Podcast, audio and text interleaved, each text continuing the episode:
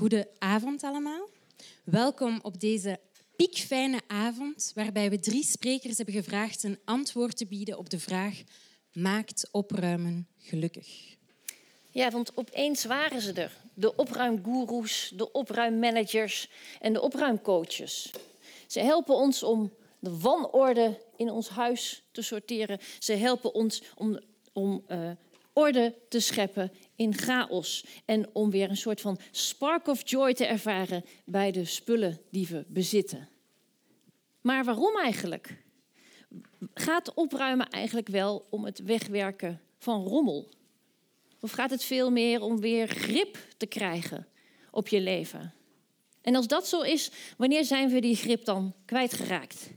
En is opruimen wel het antwoord op dit probleem? Kunnen we niet beter leren om anders om te gaan met de spullen die we bezitten? We nodigden filosoof Michel Dijkstra uit, die een link legt tussen Oosterse filosofie in een wereld van Marie Kondo's. Socioloog en cultuurcriticus Walter Wijns analyseert voor ons de verschillende mensentypes in cultuurhistorisch perspectief en linkt die menstypes met een verhouding tot opruimen. Psychologe Marianne Donner uh, heeft vragen bij de maatschappelijke verwachting dat we altijd alles, zowel fysiek als mentaal, op orde moeten hebben. Ja, drie sprekers dus, maar het programma is vrij simpel.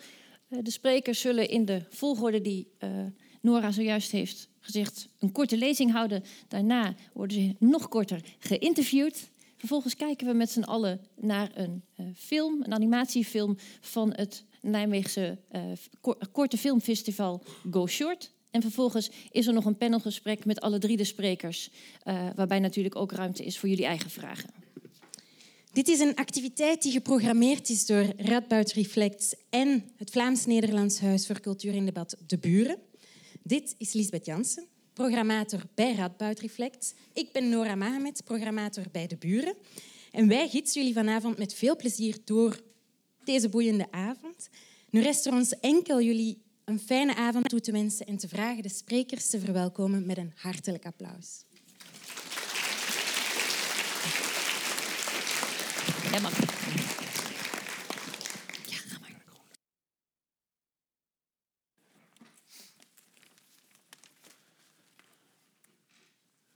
Goedenavond, uh, dames en heren. Ben ik goed verstaanbaar? Ook, ook in de achterste regionen? Oh, kijk, oh, dat is helemaal, helemaal luxe. Um, of zal ik hem meteen maar opruimen? Hahaha. um, nee, uh, op, de, op de eerste uh, sheet ziet u, um, nou, u zult het wel herkennen, de Marie Kondo. Ik kijk naar het midden en ook daar rechts een andere Japanner, maar niet een tijdgenoot, het is zenmeester Dogen. Leefde in de 13e eeuw en uh, kijkt ook naar het midden. In het midden, dames en heren, heb ik een, een Chinees bos uh, neergezet. Dat leek me nou wel aardig om die twee Japanners daarnaar te laten kijken. Ook omdat dat niet helemaal lekker ligt. Um, nee, het heeft ook een andere reden. Het, het, het, gaat ook om de, de inspiratie die de Japanners eigenlijk altijd gehaald hebben uit het Chinese denken. Het Chinese denken is in, in vele opzichten eigenlijk een, een basis van Japans denken. En ook als het gaat over het nadenken over opruimen. Dus ik, ik wil u graag iets vertellen over uh, Marie Kondo. Uh, die filosofie een beetje tegen het licht houden. En ook, ook te laten zien dat dat diepe wortels in het traditionele Japanse denken heeft. Maar ook een hele moderne twist. En het is juist die twist die het naar ons toe haalt. Ja, dus Kondo. Um, wat zij eigenlijk uh, zegt, en, en vele, vele van, van jullie zullen die, die boeken uh, kennen of anders de tutorials wel, wel bekeken hebben op de, op de sociale media. Um, Lisbeth noemde het ook net al de spark joy. Hè? Dus als je bezig bent, volgens Maria uh, Kondo, met, met opruimen. En je ziet een object of je raakt het object aan en het schenkt je vreugde, behoud het. Eigenlijk zonder, zonder aarzeling. Dat hoef je dus niet weg te doen. Maar als je iets niet gelukkig maakt, doe het dan weg. Maar, en nou, nou, nou komt het. Doe het niet weg voordat je het bedankt hebt. Dat kunnen we onder andere in, in de publicatie uh, ja, opgeruimd in 2015 vinden van, van Marie Kondo. En dan denkt u misschien, goh, ik moet dus uh, van alles bedanken, ook, ook levenloze zaken. Wat is dat weer zweverig en dergelijke. Maar het is helemaal niet raar als je dat in een Japanse context uh, bekijkt. Ik zal daar zoiets meer uh, over zeggen.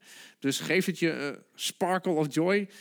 behoud het. Als je je niet gelukkig maakt, doe het dan weg. En al dus krijg je een opgeruimd huis en ook een opgeruimd gemoed. Nou, waar komen deze ideeën nou uh, vandaan? Deze ideeën van uh, Marie Kondo. Um, ja, we hebben hier te maken met een, met een uh, Japanse denker, een Japanse inspirator, guru. Maar um, heel vaak bij zulke soort zaken zit daar een flinke dosis traditie in. Die wij misschien niet herkennen, omdat wij die, die Japanse traditie niet delen. Uh, je kunt hetzelfde eigenlijk zeggen over, over zen. Wat tegenwoordig vooral gebruikt wordt om te relaxen. Maar daar zitten ook wel andere, soms wat gewelddadigere kantjes aan hoor. Uh, maar dat is, dat is een andere lezing. Uh, ja, dus Kondo is, is beïnvloed door, door Shinto. Shinto, zou je kunnen zeggen, is de basis van de Japanse cultuur. En ik heb hier een, ja, laat er maar even op u inwerken, dames en heren, een stemmig plaatje. Dit zijn de getrouwde rotsen van Futami. Uh, ja, ze zijn getrouwd, uh, met elkaar verbonden door het koord. Wat je daar ziet hangen. Shimenawa heet dat in het Japans. En um, dit is een plek waar de mens zich optimaal kan verbinden met alles wat er om hem heen is. Ik heb hier een neutrale term natuur gebruikt. En in Japan zelf spreekt men van kami. En kami kun je vertalen als, als eh, goddelijke kracht of macht. Het is in ieder geval uh, datgene waar, wat, ons, wat ons omringt. Wat groter is dan, dan onszelf. En uh, wat je dus aantreft in bijzondere stukken natuur. Een grote berg, hè, denk aan de Fuji. Een waterval of deze bijzondere rotsen. Dus uh, bovenop die, die grote rots, de linker rots, zie je ook dat poortje de, de, de, de tori. Die tori geeft al aan dat als je je voor deze rotsen bevindt, dan ga je een, een diepere laag, als ik het zo mag zeggen, een diepere laag van de werkelijkheid in. En je maakt verbinding met iets wat jou, wat jou overstijgt, met een kracht die in een dier kan zitten, die in een mens kan zitten of die in een steen kan zitten. Met andere woorden, in het Japanse denken wordt niet zo strikt dat onderscheid gemaakt tussen het leven en het levenloze. En in die context is het niet gek dat je je fiets bedankt voordat je hem wegdoet. Ja, dus, eh, dus uh, Kondo trekt dat natuurlijk heel erg naar de moderne tijd toe. Maar die respect, die respectvolle houding voor alle dingen, dat maakt deel uit van, van Shinto. Dus een eenheid met, met alles wat ons omringt, een eenheid met de natuur. Dus hoe klein ook, um, het is kami. Die, die, die, die kracht of macht zit, zit erin. Vandaar ook eh, dat, dat, dat Japanners ook minder moeite met, met robots hebben dan wij. Nou. Um, Shinto. Shinto gaat uh, niet zozeer om een oppositie als goed en kwaad, maar eerder om wat is zuiver, wat is onzuiver. Kan ik mijzelf zuiveren en op die manier verbinden met, met alles wat mij, uh, wat mij om, omringt? En bij dat begrippenpaar zuiver en onzuiver hoort natuurlijk ook uh, het schoonmaken en het opruimen. Uh, uh, sommigen van u zijn ongetwijfeld in, Japan uh, geweest. Wat je treft is hoe netjes het allemaal is om je heen. Alles schoongeveegd. En het heeft direct te maken met deze filosofie. Het, het, het Shinto-denken, waarin er gesteld wordt... als ik alles schoon heb, dan heb ik zo min mogelijk kans op ongeregeldheden. Want er is niks enger voor de Japanner, maar misschien ook uh, voor als je zelf bezig bent met, met opruimen, dat het, dat het een chaos wordt dat je niet meer kan overzien. dus als alles is schoongemaakt, de minste kans op, op, op ongelukken. Dat is natuurlijk wat, wat Kondo uit die Shinto-traditie ligt. Traditioneel is het zo dat je uh, ja, als babytje word je al meegenomen naar de schrijn En daar, daar heb je eigenlijk al je eerste ritueel, dat je in contact komt met, eh, met, die, met die kami. Dus het is ook het zuiveren door rituelen. En heel eenvoudig kan dat eh, je handen wassen zijn, uh, het spoelen van de mond met, met water. En dat is iets wat we met ons lichaam doen, maar wat ons ook van binnen schoonmaakt. Maar als ik dan die, die, die Shinto-filosofie een beetje naast uh, het werk van Kondo uh, mag leggen, dan valt het op dat het woord geluk hier niet valt. Ja, dus als we het hebben over de vraag, maakt opruimen gelukkig?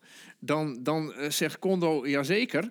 Maar als je kijkt naar de, naar de bronnen waar dit uitkomt, waar ook zij uittapt, dan is dat niet, uh, niet te vinden. Want het gaat hier niet om geluk of ongeluk, maar om zuiver versus onzuiver. En het gaat ook niet om levensverandering. Zo van, nu heb ik uh, eindelijk die rommelzolder uitgemest en nu ben ik, heb ik een, een nieuw hoofdstuk in mijn leven opengeslagen of zo. Nee, dat, dat ook niet. Ja, dus de Shinto is een, is een bron van het denken van, uh, van Kondo. Um, het boeddhisme, dat speelt ook een rol in, in, in de levens van, uh, van, van Japanners. Al weten ze er niks van, zou ik zeggen. Hè, ze, ze zijn toch uh, gepokt en gemazeld in dat, in dat denken.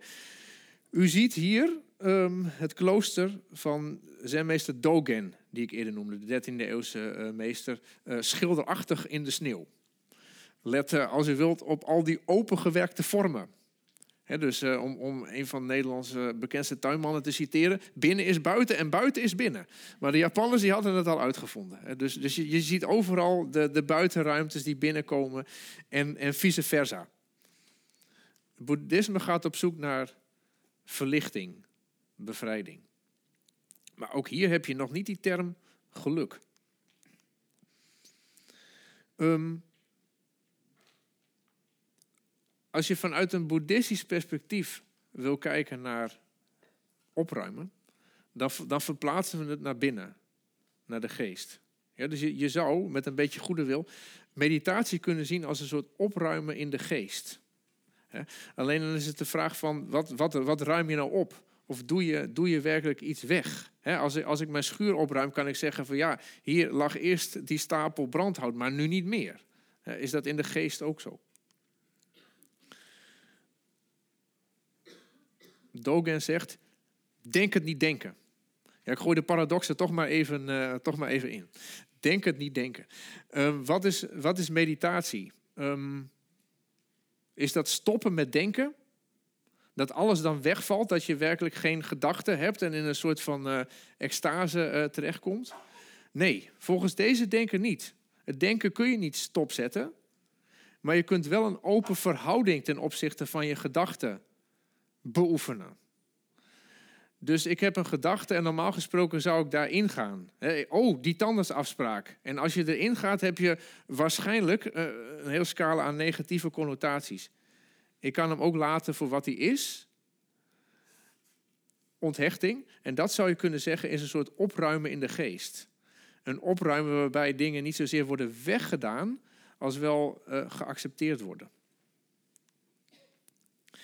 En in het boeddhisme gaat het erom voorbij al die hechtingen die je hebt te komen. Dus ook alle concepten waarin je denkt. Dus inclusief geluk en ongeluk. Dus u voelt hem al aankomen. Ook hier niet die term geluk.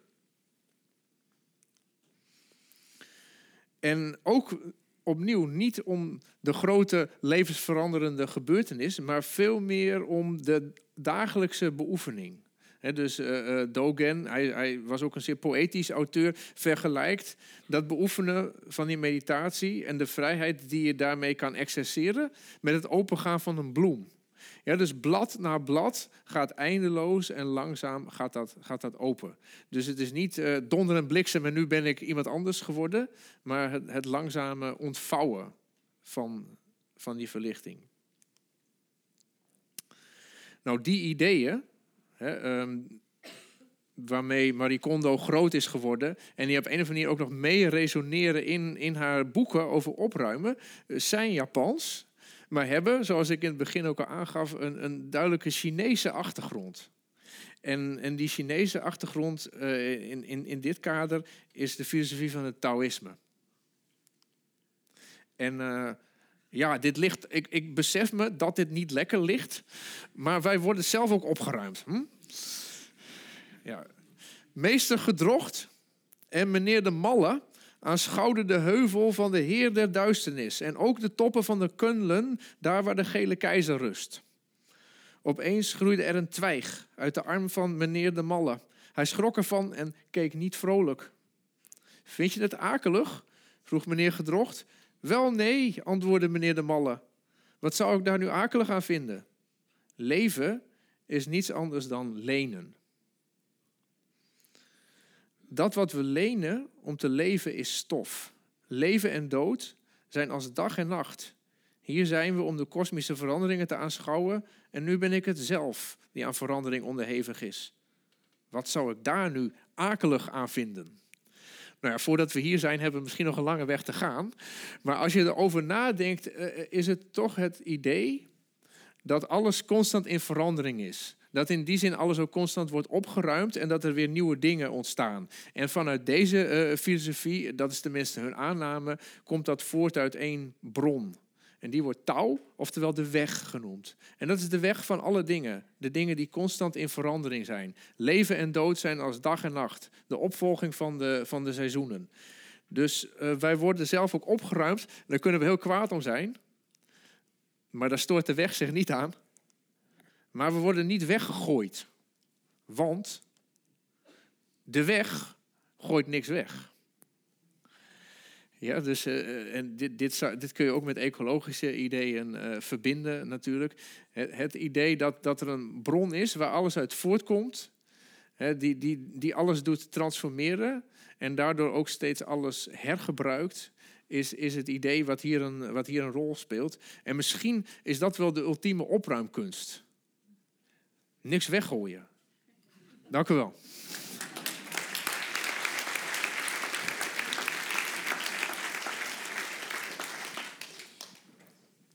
Mag, blijven staan. Oh, nog in. oh, oh, ik ben- twee vraagjes stellen. ja, Hartelijk dank voor deze boeiende uiteenzetting. Zoals ik net fluisterde, heb ik twee vraagjes voor jou voorbereid. Ehm, ter aanvulling, uit Ja. nieuwsgierigheid. Jij schreef een boek. ja. In alle dingen heb ik rust gezocht. De weg naar eenheid van meester Eckhart en zijn meester Do Doodgen. Dogen. Dogen. Ja. En in dat boek ehm, komt er op een bepaald moment het beg- begrip ascese aan bod. En als ik het goed begrepen heb, houdt dat in, op een bepaald moment lees ik het ook zo in je boek, dat de mens sober moet kunnen leven, maar ook vreugde moet kunnen vinden in het midden van obstakels. En mijn vraag naar jou toe is, raad jij ons aan om eerder te gaan voor soberheid of te, gaan, te oefenen in het vinden van rust of vreugde in wanorde? Ja, dus moet je eerder soberheid oefenen of, of rust en vreugde in, in wanorde. Ja, ja ik, ik wil dan toch graag ook, ook antwoord geven vanuit het, vanuit het Taoïsme. Waar die zenmeester, waar mijn boek deels over gaat, eh, Dogen, ik noemde hem net ook al in de lezing, eh, Dogen was daar diep door beïnvloed. En dat is ehm, eh, eh, een, een beetje in het midden. Ja, en dat is wat we trouwens niet alleen eh, in het Taoïsme aantreffen, maar we treffen dat ook in onze eigen traditie aan, hè, bij, bij, bij Aristoteles. Ehm, dus, dus die Taoïsten, dat zijn geen, eh geen diehard asceten. Je mag best eh, genieten. Maar als je te veel geniet, dan ga je daarmee ten onder. Dus, dus in die zin in het, in het midden zitten. En, ze hebben zelf van die uitspraken als van de vijf, de vijf klanken maken het, eh, maken het oor doof, de vijf kleuren maken het oog blind. Dat wil zeggen, dat, dat, dat, dat zou je moeiteloos op onze beeldcultuur kunnen plakken, overigens. Als je alleen maar daarmee bezig gaat, dan, dan, dan verlies je jezelf eh, daarin. En in, in, in die tekst uit het Taoïsme staat dan, daar neemt de wijze niet het oog, maar de buik als standaard. En vervolgens, wie weet dat eh, genoeg genoeg is, heeft altijd genoeg. Ja, dus het, het, oog als standaard nemen, dat kennen we trouwens ook in onze traditie. In de, in de Bijbel, prediker zegt dat ook. Hè? Het oog is nooit verzadigd van het zien. Nou, eh, dat, dat weten, we, weten we ook met onze beeldcultuur allemaal. Maar de, de buik, als het goed is, als hij vol zit, zit hij, zit hij vol. Dus wie weet dat genoeg genoeg is, heeft altijd genoeg. En ik denk dat dat... ehm, dus, dus dat, dat ascese, eh, eh, de strenge ascese ehm, vermijdt. En dat je dan inderdaad in het, in het hier en nu de balans probeert te bewaren, wat soms al moeilijk genoeg is. Ja. Inderdaad. Dan had ik een tweede ja. vraag. Um, je had het daarnet over het Taoïsme. Ja. In jouw boek haal je uh, regelmatig Taoïst Zhuangzi. Ja, Zhuangzi. Ja. Zhuangzi? Zhuangzi. Uh, aan. ja, ja, ja, ja. Daar kan er ook niks aan doen. Ik, ik, ik, geef jou het laatste woord. Ja, ja. Um, en op een bepaald moment is er een passage um, waarin hij... Een, een langere passage, maar ik ga er één stukje uit, uit, uit uh, voordragen. Dat een visnet bestaat omwille van een vis. En als de vis gevangen is, kan je het net vergeten. Is diezelfde redenering toepasbaar op orde en chaos? Ja, als je, als je de begrippen orde en chaos uh, wil gebruiken, of, of sterker nog, als je in een wanordelijke toestand zit en je gebruikt dan het begrip uh, orde, dan kun je ook een slaaf worden van dat streven naar orde. En op een gegeven moment is het inderdaad uh, genoeg. En dan kun je dat, dat begrip orde loslaten, ja, totdat je weer door chaos overwoekerd bent. Maar, maar het, gaat, het, de, het citaat is, is verder. Hè. Het is ja. inderdaad um, spreken met, met, uh, met woorden hè, is, is als vissen met een, uh, met een fuik. Ja. Als je de betekenis gevangen hebt, en dan kun je de woorden vergeten. Ja. En dan is, dan is die grote uitspraak: hè, waar vind ik iemand die alle woorden vergeten is, zodat ik een woordje met hem kan spreken? Ja, en, ja, en, en dat is natuurlijk typisch Chinees. En. Um, ja. en, en wat over die, die schrijver zelf gezegd wordt, Zwangse, is dat hij met iedere tweede zin die hij schreef, die zin, de voorgaande zin uitwiste. Dus dat is ook weer een soort opruimen. He, dus, dus, je, dus je schrijft iets, maar je bent ook bereid om het weer uit te wissen, zodat het ook altijd fris en helder uh, blijft. Ja. Hopelijk. Dus een, bewust, uh, een bewustzijn van de vergankelijkheid. Een bewustzijn van vergankelijkheid, ja. ja. ja. Fantastisch, dankjewel. Oh, dank je. Ja. Fijne avond. Ja, ja.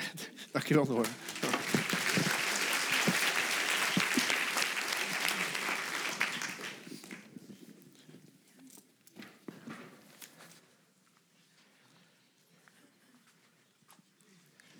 Michel, ik, ik, wil jou ook bedanken eigenlijk. Omdat, ja, echt waar, uh, ik heb iets bijgeleerd, veel bijgeleerd. Mijn vrouw die gaat iedere woensdagavond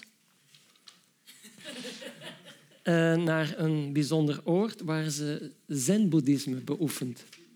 En dan als ze thuis komt, vertelt ze mij allerlei dingen en dan klinkt dat voor mij een beetje als Chinees. Maar nu heb ik dat toch wat beter begrepen, dus u hebt ons nader tot elkaar gebracht. En dat is toch zo mooi. Ik wil u daar echt voor bedanken, Michel. Ik ga toch eventjes doorspoelen eigenlijk. Um, zo. Um, zoals uit uh, het referaat van de voorgaande spreker gebleken is, en wellicht ook uit de toelichting van de volgende spreker, gaat het, uh, wanneer we het hebben over opruimen, voornamelijk over individuele problemen. Ga maar eens ergens op duwen en weet, gebeurt er iets. Kijk. Um, maar natuurlijk, zoals dat gaat, als je dat voorlegt aan een socioloog, dan zal hij zeggen, ja, maar individuele, individuele problemen zijn geen individuele problemen. Uw problemen zijn uw problemen niet. Zoals uw kinderen ook uw kinderen niet zijn.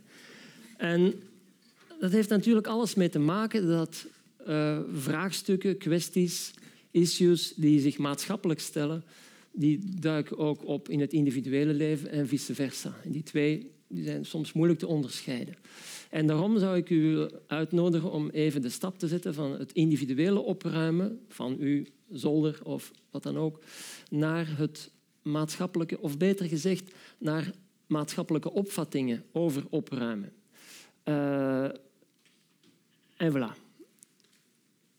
Dit is een fraai plaatje uit een uh, Waalse plaats waar men op een bepaalde manier opruimt, de autovrakken opruimt. Ik vind dit heel poëtisch, maar ja, ik kom er nog op terug. Um, kijk, en dit, beste mensen, uh, is een appartement in Parijs dat het uh, wereldnieuws, is veel gezegd, in ieder geval het Franse nieuws gehaald heeft um, in 2013. Want dit was een appartement dat gedurende tientallen jaren gesloten is gebleven. In 1942 is de eigenaar weggetrokken, gevlucht. Uh, heeft onderdak uh, gezocht in Zuid-Frankrijk en haar Parijse appartement bleef gesloten. En dat, ja, dat heeft iets van een onwillekeurig, onbewuste vorm van bewaren. En men trof dat daar aan alsof de tijd had stilgestaan. Dat had ook een poëtische kracht. En dan de vraag is, ja, als je dat nou zou aan hoe heet ze, Marie Kondo zou voorleggen, zou ze daar dan zoiets van maken? Um, of beter gezegd, zoiets. Of misschien nog anders. Ik druk op het verkeerde knopje waarschijnlijk. Ah, die ah, ga ik toch nog eens even proberen met die. Oké, ja. Kijk. Dat is een vorm van opruimen. Of als we bijvoorbeeld eens kijken naar dit atelier van Francis Bacon. Uh, Francis Bacon, de, de, schilder, de kunstenaar, heeft uh, ja, toen hij geconfronteerd werd met opmerkingen over de lamentabele toestand van zijn atelier, wel eens gedacht, laat ik het maar eens wat anders proberen, laat ik het maar eens met een opgeruimd uh, atelier proberen, maar, maar het lukte hem niet. Hè. Francis Bacon is zo een van die mensen, zoals Walter Benjamin ook, die het moet hebben van rommel rondom zich. Zoals vele kinderen ook. Als je kinderen laat spelen, gaan die vaak de rommel opzoeken, omdat ze daar natuurlijk in vrijheid kunnen spelen. Te veel opgeruimde uh, objecten rondom je, dat lijkt alsof alles zijn precieze plaats al heeft. Terwijl in de rommel moet alles zijn plaats nog vinden en dan komt het hart tot dansen. Want stel je voor dat je uh, Francis Bacon dit atelier zou gegeven hebben het is, dit is een beetje hyper opruimen, zou je kunnen zeggen. Maar dit is wat men gedaan heeft, uh, althans cultureel gesproken, in uh, het moderniseringsproces, als ik dat nou zo met één woord mag samenvatten. Namelijk vele tradities overboord gooien, veel weglaten. Uh, écraser l'infâme, uh, zei Voltaire over de kerk. Weg ermee, uh, platgooien. Ruimte creëren om opnieuw te kunnen beginnen. En dus dat is de vraag waar ik uh, vandaag uh, zou willen blij, blijven bij stilstaan. Um, als het gaat over opruimen, dan stelt zich de vraag: wat is de moeite van het bewaren? Wat is de moeite van het weggooien, het laten verdwijnen, het vernietigen zelfs? En in welke vorm moet het bewaard blijven? Dat zijn natuurlijk de vragen. En dat, is, ja, dat zijn vragen die, die zich stellen in individueel leven, die zich stellen in een gezinsleven. Wanneer je iets moet doorgeven, wat geef je door aan je kinderen? Uh, die zich stellen bij de wisseling van de generaties. Wat moet je behouden, wat moet je doorgeven? Dat is eigenlijk de vraag van cultuur. Cultuur is natuurlijk datgene wat wij overdragen van generatie op generatie, dat wat we geleerd hebben en overdragen van generatie op generatie, maar we geven niet alles door. En dus dat is, een, dat is die kwestie van het opruimen, dat is eigenlijk een existentiële vraag. Wie willen we zijn? Hoe willen we bestaan? En uh, hoe willen we voortbestaan, desgevallend in uh, volgende generaties? Um, er is er een zekere dialectiek. Ja, dit is het saaiste plaatje, neem me niet kwalijk. Um, er is een zekere dialectiek tussen bewaren en vernietigen. Laten we dat nou even als twee uitersten, een beetje Hegeliaans. Hè? Dus die twee sluiten maar ik kan niet dezelfde tijd iets bewaren en iets vernietigen. Dat gaat niet. Hè? Maar wat je wel kan doen, is een soort Hegeliaanse walsje inzetten. U weet, Hegel die zegt, kijk eens, we hebben een these, we hebben een antithese en dan is er een synthese. En dan 1, 2, 3, 1, 2, 3. Dus dat is de Hegeliaanse wals die ik even met u zou willen dansen. Uh, bewaren, de, dus de these, de antithese is vernietigen. En dan kun je dat, hoe, zegt, eh, hoe noemt eh, Hegel het, aufheben, optillen bewaren, in zekere zin, ja. Uh, maar optillen naar een hoger niveau. En dat kan, denk ik, als je kijkt naar de culturele patronen die zich stellen, dat kan op twee manieren. Namelijk, je kunt dat doen door iets...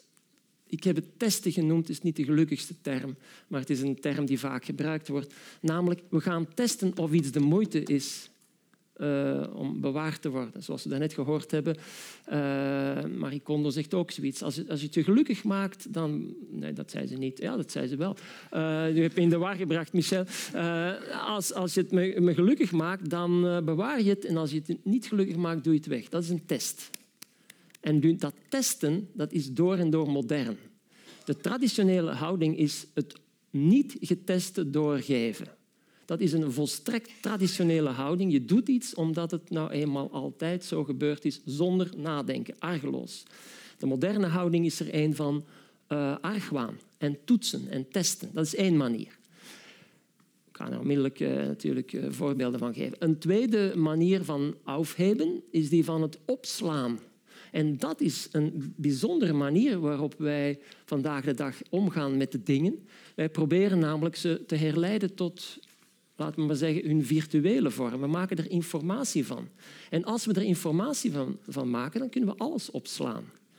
En dat is een droom van het totale bewaren. Beide vormen, zowel het testen als het opslaan in zijn virtuele informationele vorm, zijn zeer moderne vormen natuurlijk, maar zijn eigenlijk uh, typische vormen van omgang met het verleden die dat verleden willen bevaltigen, beheersen, controleren, zodanig dat, je, dat ze zelf uh, de mensen die dat, dit testen of die dit opslaan, kunnen bepalen uh, hoe het kan worden doorgegeven. In het, in het testen wordt getest. Wat bewaren we? In het opslaan worden de dingen op een bepaalde manier gecategoriseerd, worden ze op een bepaalde manier opgeslagen.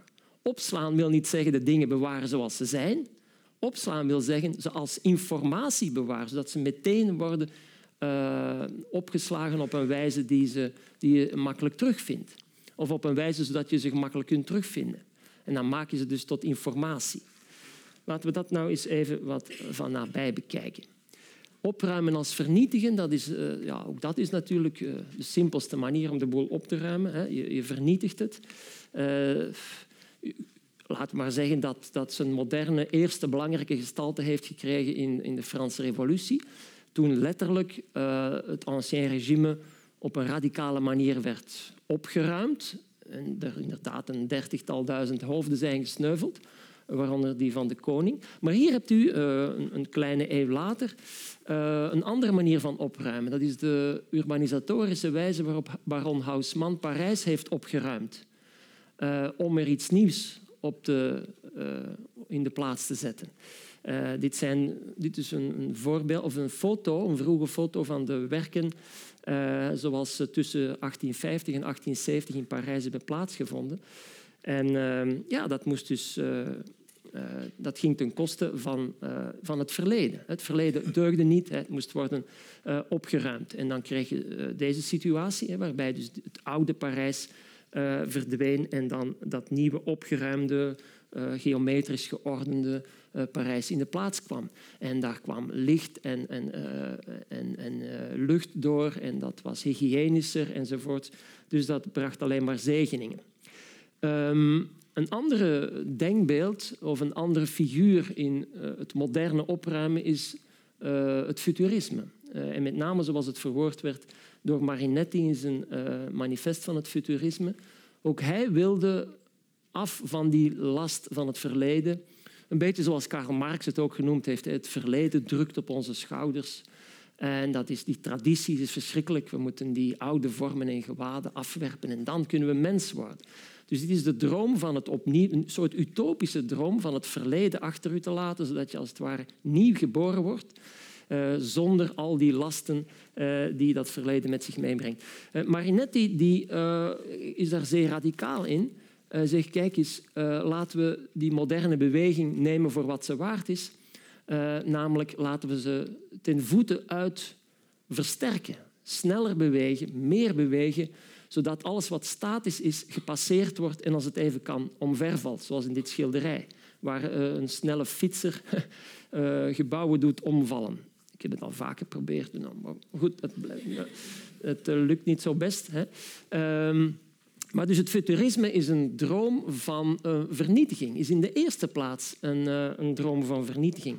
Uh, net zoals de droom van Nechayev. Nechayev, ik weet niet of u hem kent, maar het is een fantastische figuur. hij heeft een catechismus geschreven. Nechayev was een 19e-eeuwse revolutionair. Wat zeg ik? Hij was de revolutionair. Hij was iemand die begreep wat revolutie is op de meest radicale manier. Uh, je moet dat eigenlijk toch eens lezen, die catechismus. Het is een zeer korte tekst, uh, zeer gebald. En daarin wordt iets onthult over het moderne leven dat je, denk ik, nergens anders zo helder aantreft. Namelijk de idee dat alles als middel moet beschouwd worden. Eigenlijk is dat een korte formule om het begrip kapitalisme te omschrijven. Alles wordt tot middel. Um, en Nechayev eh, maakt dat radicaal. Er is één doel, dat is de vernietiging. De vernietiging van wat geweest is en wat er is. En die hele sociale orde die ons allemaal vasthoudt en onrechtvaardig uh, voortbestaat terwijl wij erin zitten. Dat moet allemaal kapot, het moet vernietigd worden. Dat moeten we uitroeien. En dat doe je onder andere door jezelf ook als middel te zien. Uh, een van, eh, het, het, het catechismus begint met de, de vraag: wat is de revolutie voor de revolutionair? En dan zegt hij inderdaad dat de revolutionair zichzelf moet vergeten. Hij mag geen vrienden hebben, hij mag geen eigen leven hebben. Hij mag helemaal niks hebben. Hij doet er niet toe. Hij is een middel. Uh, hij is de sloophamer. En in het slopen zelf verdwijnt hij. Natuurlijk, hij is niks dan, dan, dan middel. Als u dit gelezen hebt en u kijkt naar de uh, geschiedenis van uh, de Russische revolutie, dan begrijpt u waarom zoveel revolutionairen inderdaad zichzelf ja, verbijsterend genoeg, misschien vrijwillig, niet altijd, maar vaak vrijwillig opofferden voor dat, voor dat doel. Dat doet een beetje denken aan de martelaren natuurlijk, die, die we kennen in het christendom. Uh, met dit verschil dat die martelaren natuurlijk niet streefden naar een uh, materiële vernietiging van alles wat ze rondom zich zagen. En deze revolutionaire, uh, deze Nechayev, deed dat wel. Um, er is ook nog een vorm van um, opruimen. Ik ga even naar de bron. Opruimen als willen vergeten. Dat is iets wat je ook collectief doet. Samenlevingen doen dat. Uh, individueel kan je dat ook proberen. Je kunt proberen iets te willen vergeten omdat dat traumatisch was of vervelend. Of ja, je wilt dat uit je leven schrappen. Maar dat is makkelijker gezegd dan gedaan. Zowel collectief als individueel is dat makkelijker gezegd dan gedaan. Je probeert het te verbranden, maar het, het lukt niet altijd zo makkelijk. En voilà, kijk eens aan. Uh, nu zitten we toch weer in China, zeker. Uh, maar dit keer om een ander uh, lesje te leren. Want u weet, beste mensen, ik ben nooit in China geweest. Michel, was u in China? Nee, nog niet. Ah, ik kan het u aanbevelen, van horen zeggen. Uh, maar de meeste toeristen die gaan een wandelingetje maken op deze muur. En uh, die muur die schijnt gebouwd te zijn door een keizer um, die ja, nog min of meer, nog min of meer dan het, het, verleden wilde vernietigen. En wat hij onder andere deed, dat waren uh, boekverbrandingen organiseren. Hij vond dat een goede manier om het geheugen uit te wissen. Omdat op die manier alle kwade dingen die ooit zouden zijn neergeschreven over zijn moeder, die zouden dan uh, ja, de wereld uit verdwijnen. En dat heeft hij geprobeerd. En wat heeft die muur daarmee te maken? Die muur is de keerzijde natuurlijk.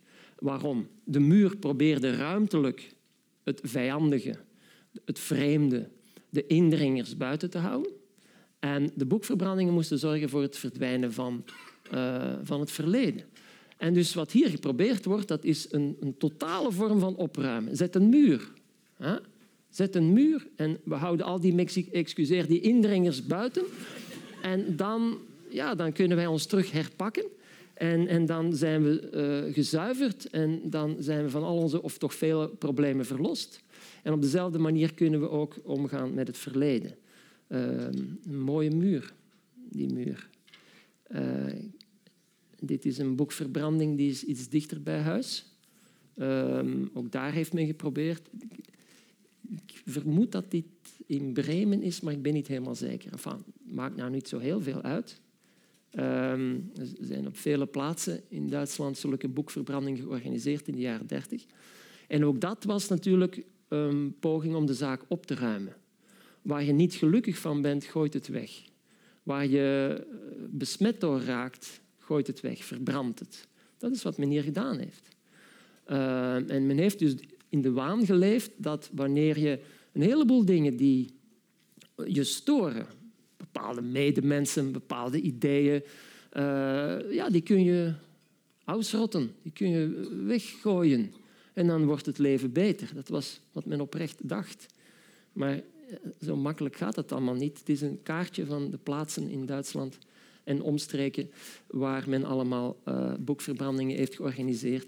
En het is toch interessant dat in virtuele vorm op dit moment uh, dat je dus op een goed gedocumenteerde wijze kunt nakijken waar men allemaal die boekverbrandingen georganiseerd heeft. Dus niet alleen zijn de mensen die die verbrandingen hebben georganiseerd er niet in geslaagd om het verleden uh, uit te roeien, want geen enkele van de daar verbrande boeken is werkelijk uit de wereld verdwenen. Maar bovendien is er op een zeer goed gedocumenteerde manier uh, vandaag in boeken te lezen of op sites waar, je dus, uh, waar die boekverbrandingen allemaal plaatsvonden.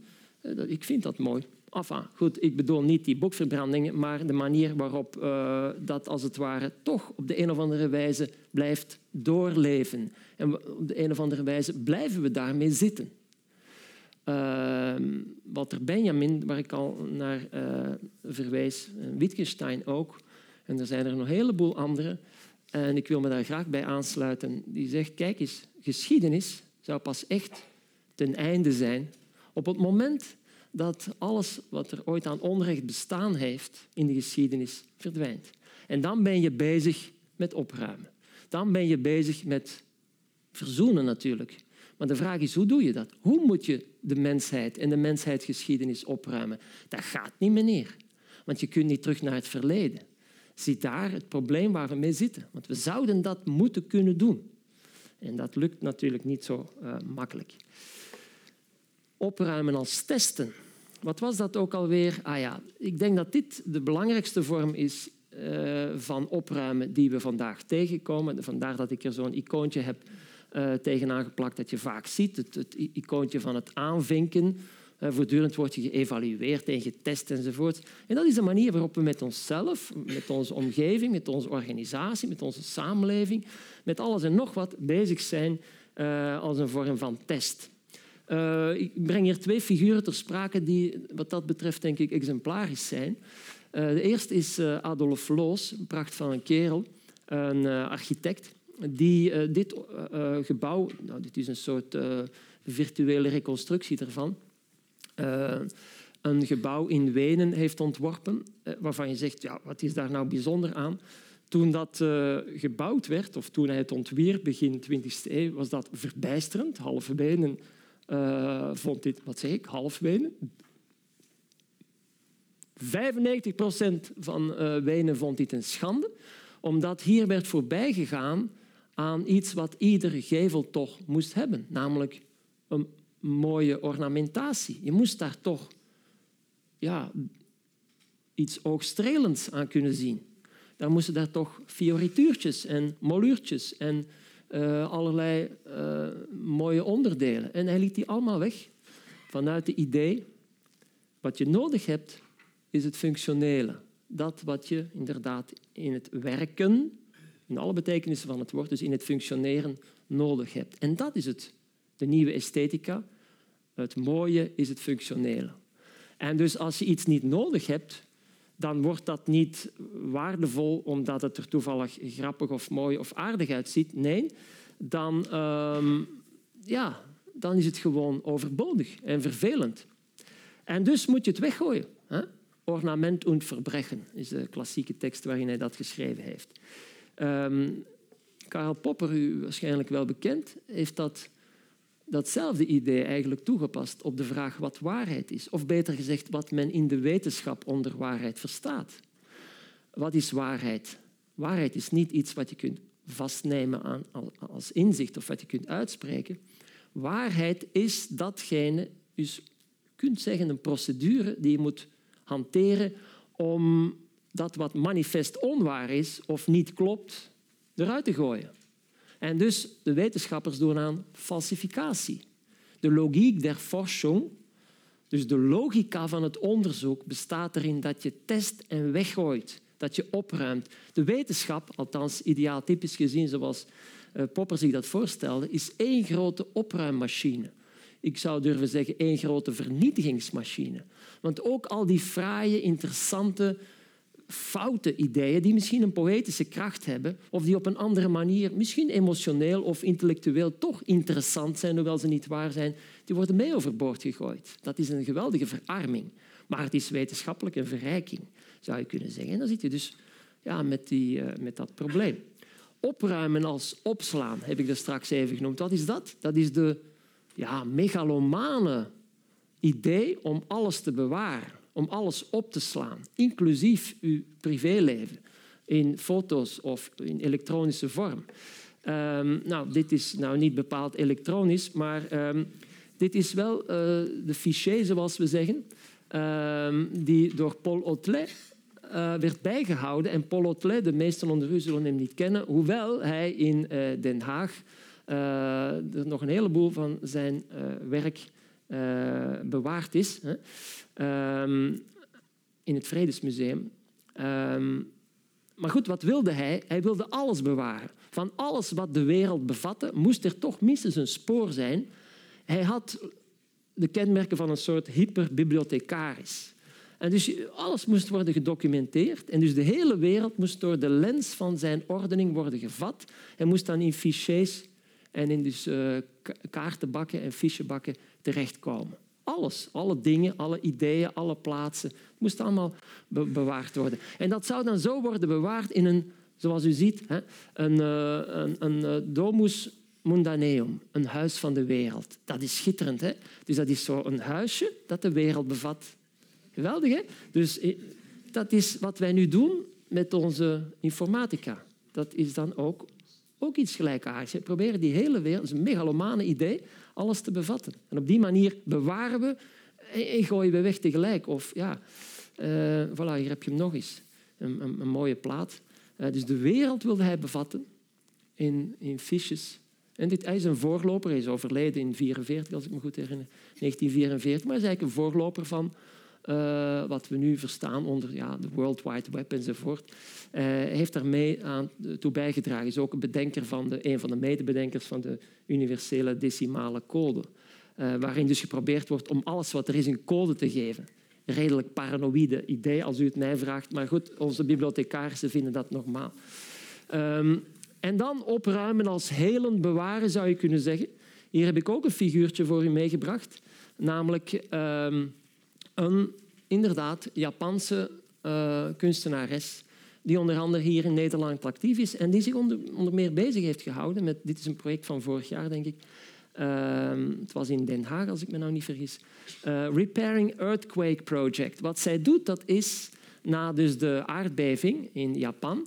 Uh, en de, de tsunami die daarmee gepaard ging, daar liefdevol proberen restanten van alles wat stuk geslagen is te gaan oprapen. Ze is tot in Canada gegaan, omdat daar regelmatig dingen aanspoelen, afkomstig uit Japan. En dan gaat ze daar die stukjes bewaren om ze vervolgens uh, te helen. En dan krijg je pogingen om dat aan elkaar te lijmen.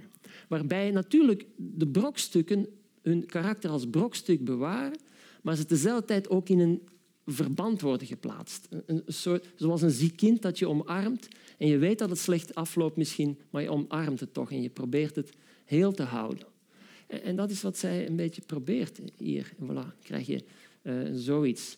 Uh, ook dat is een manier van opruimen met een stuk geslagen wereld. Opruimen, helend opruimen met een een probleem waar we mee zitten. Dit is ook een, een, manier natuurlijk. Dit zijn de, de, ja, de, vrouwen in, in Berlijn die, ja, bekend stonden omwille van hun uh, moed om de zaak op te ruimen. Een beetje aangedikt verhaal, maar goed. Uh, de vraag is, hoe gaan we daarmee om met die stukgeslagen wereld? Hoe gaan we om met een wereld uh, waarvan je zegt, nou, dit is toch wel een beetje een ecologisch probleem. Onze huishouding, we zijn begonnen bij de vorige spreker onder andere, die naar Maria Marie Kondo verwees. Uh, hoe moet je je huishouden opruimen? Ik wil u nu uh, aandacht vragen voor de, de, kwestie dat de wereld ons huishouden is en dat het woord ecologie precies dat uitdrukt. Dat als we iets willen opruimen, we niet zullen volstaan met het opruimen van ons zolderkamertje, maar dat we dat in verband moeten zien met alles wat ons omringt. En dan zullen we inderdaad, ja, hoe moeten we daar dan mee omgaan? En dus opruimen is een mondiale kwestie, is een kwestie die ons allen verbindt. En uh, of we nu de oceanen gaan uitkuisen of uh, de brokstukken in, in het heelal gaan proberen te verminderen. Het is een kwestie die we uh, nog ja, actueel zien. En dan misschien, zoals in deze Japanse dia, Michel, zou het ooit misschien nog wel eens goed kunnen komen. bij deze poëtische dia. Zou ik willen afronden. Ik dank u zeer.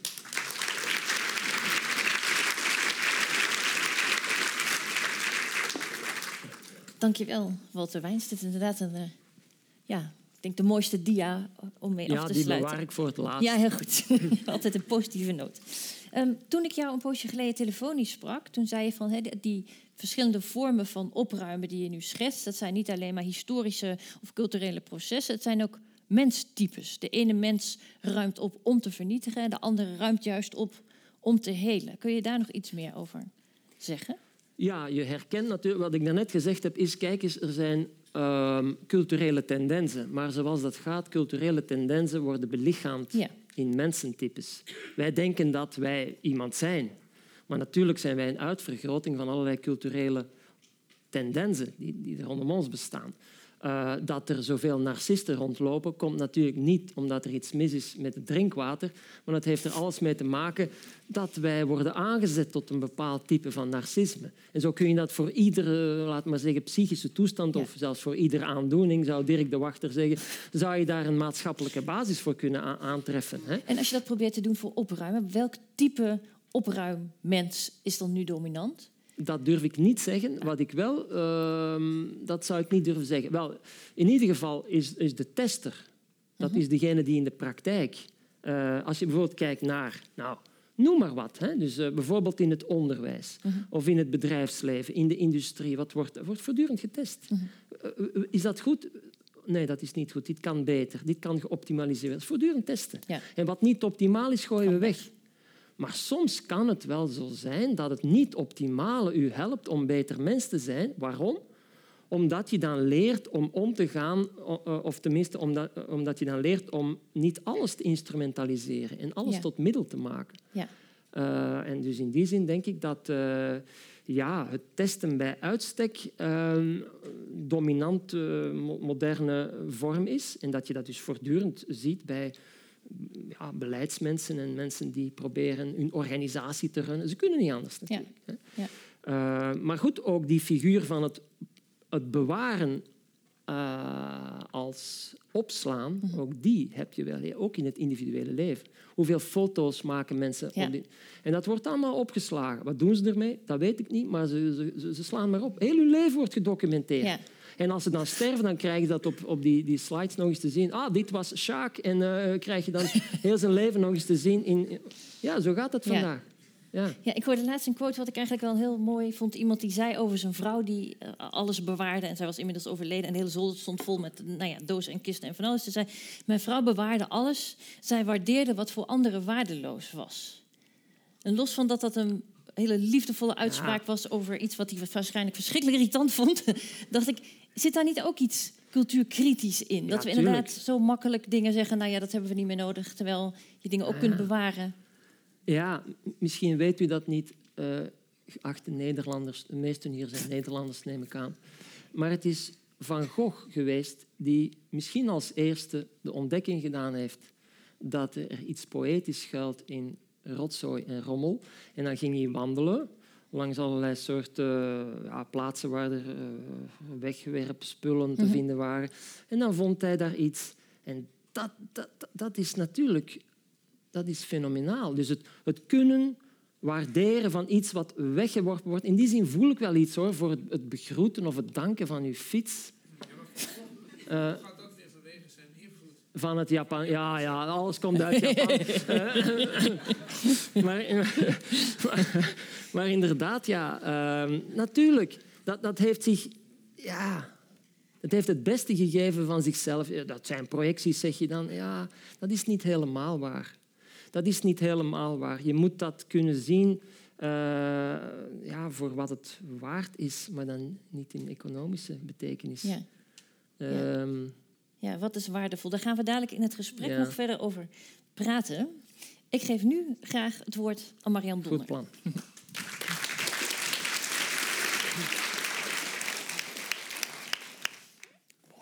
Ik kan helemaal niet uit mijn hoofd spreken.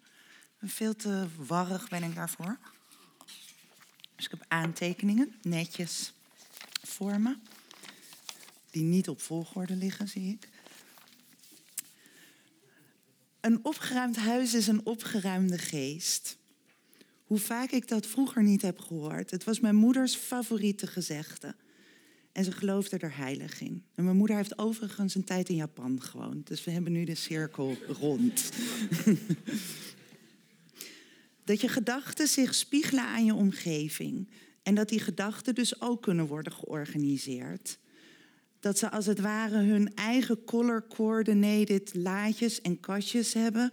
waar je ze samen met je gevoelens en ervaringen netjes een plekje kunt geven opgeruimd staat netjes en daarna fris er weer tegenaan. Het was natuurlijk mijn moeders manier om me te overtuigen dat ik mijn kamer op moest ruimen. Wat ik nooit deed, want ik hou enorm van troep. Sterker nog, ik gedij erbij. Ik herkende me heel erg in eh, Bacons atelier. Kom ik ook nog op.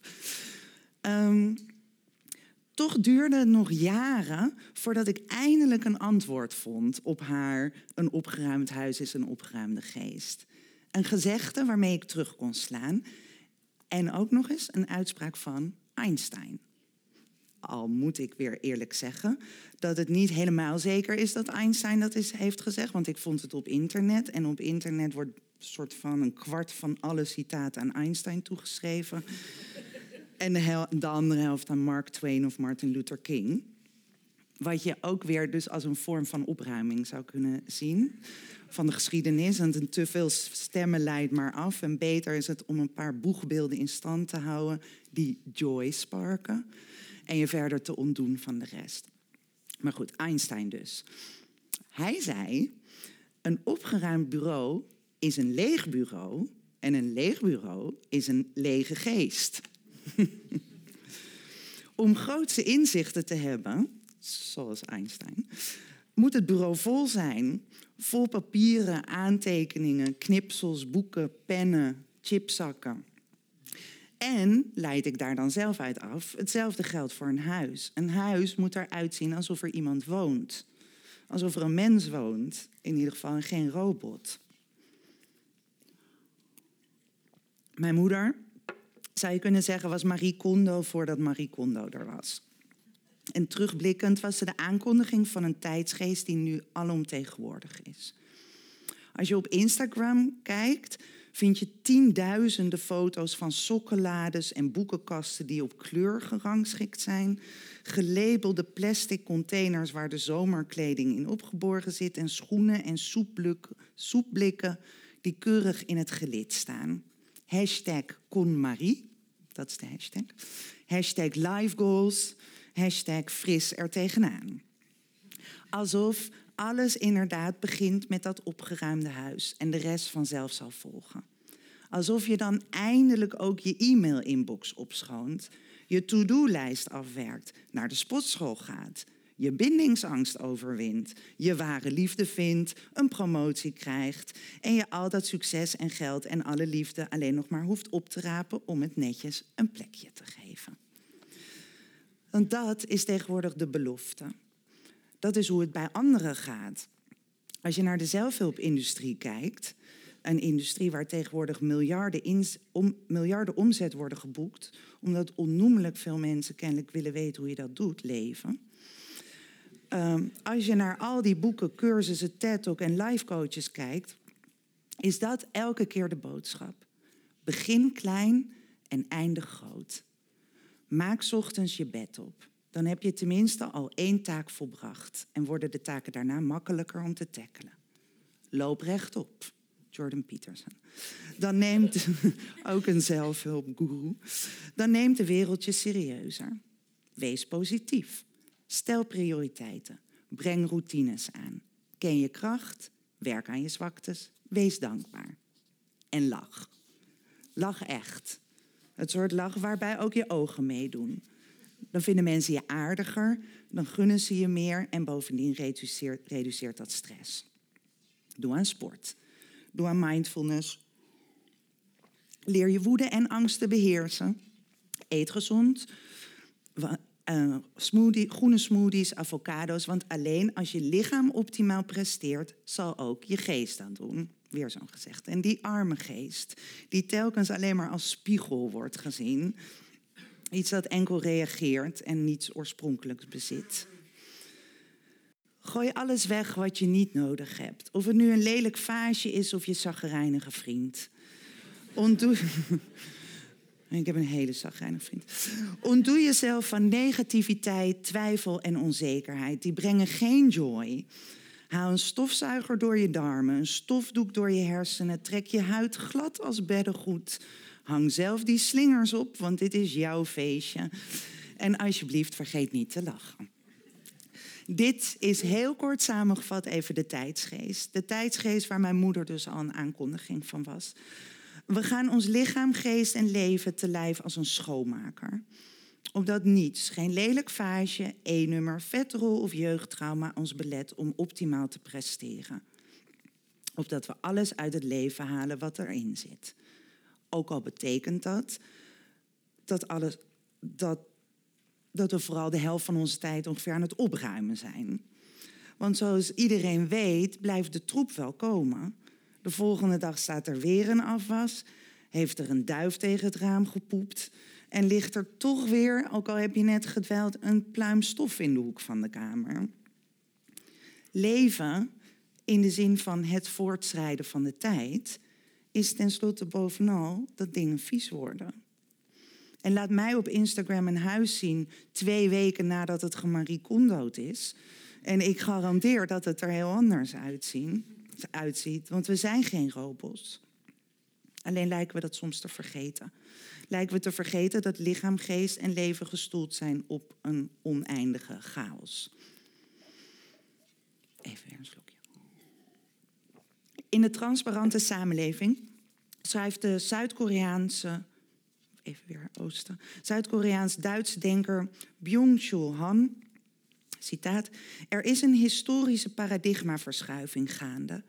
De oude, door tegenstellingen gekenmerkte samenleving moet het veld ruimen voor een samenleving waarin elke negativiteit steeds verder wordt teruggedrongen ten gunste van het alleen maar positieve. En positiviteit betekent alles wegnemen wat de vrije stroming van energie, informatie en geld belemmert.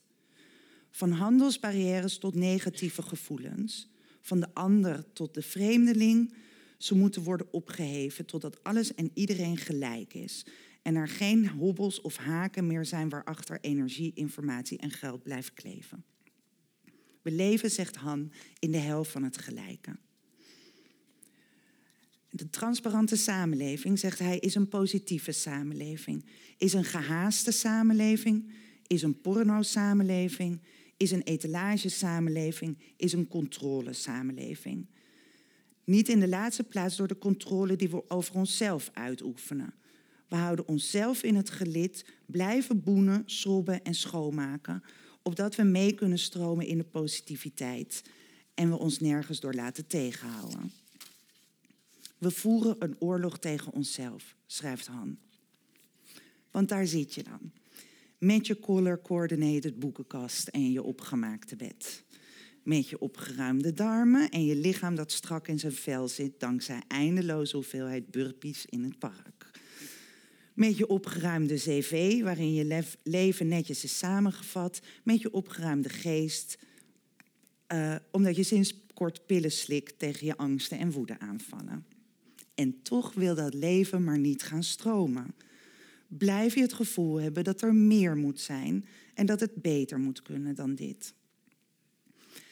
Momenteel is depressie wereldwijd volksziekte nummer 1. Drie kwart van de bevolking heeft last van stress of andere vormen van uitputting. Burnout heet de ziekte van deze tijd te zijn. En anders is het wel eenzaamheid. Meer dan de helft van de mensen in Nederland voelt zich eenzaam. vooral onder ouderen en jongeren zijn de percentages ontstellend hoog. En misschien, denk ik zelf, is dat wel omdat we de troep missen De troep van menselijk contact.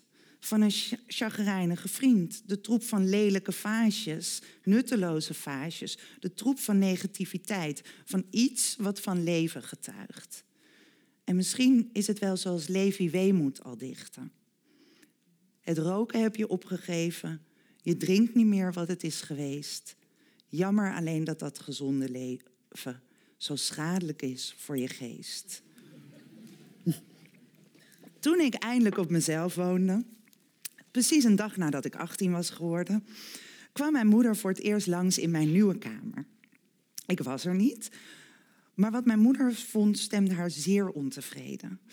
Want midden in de kamer had een volle asbak gestaan.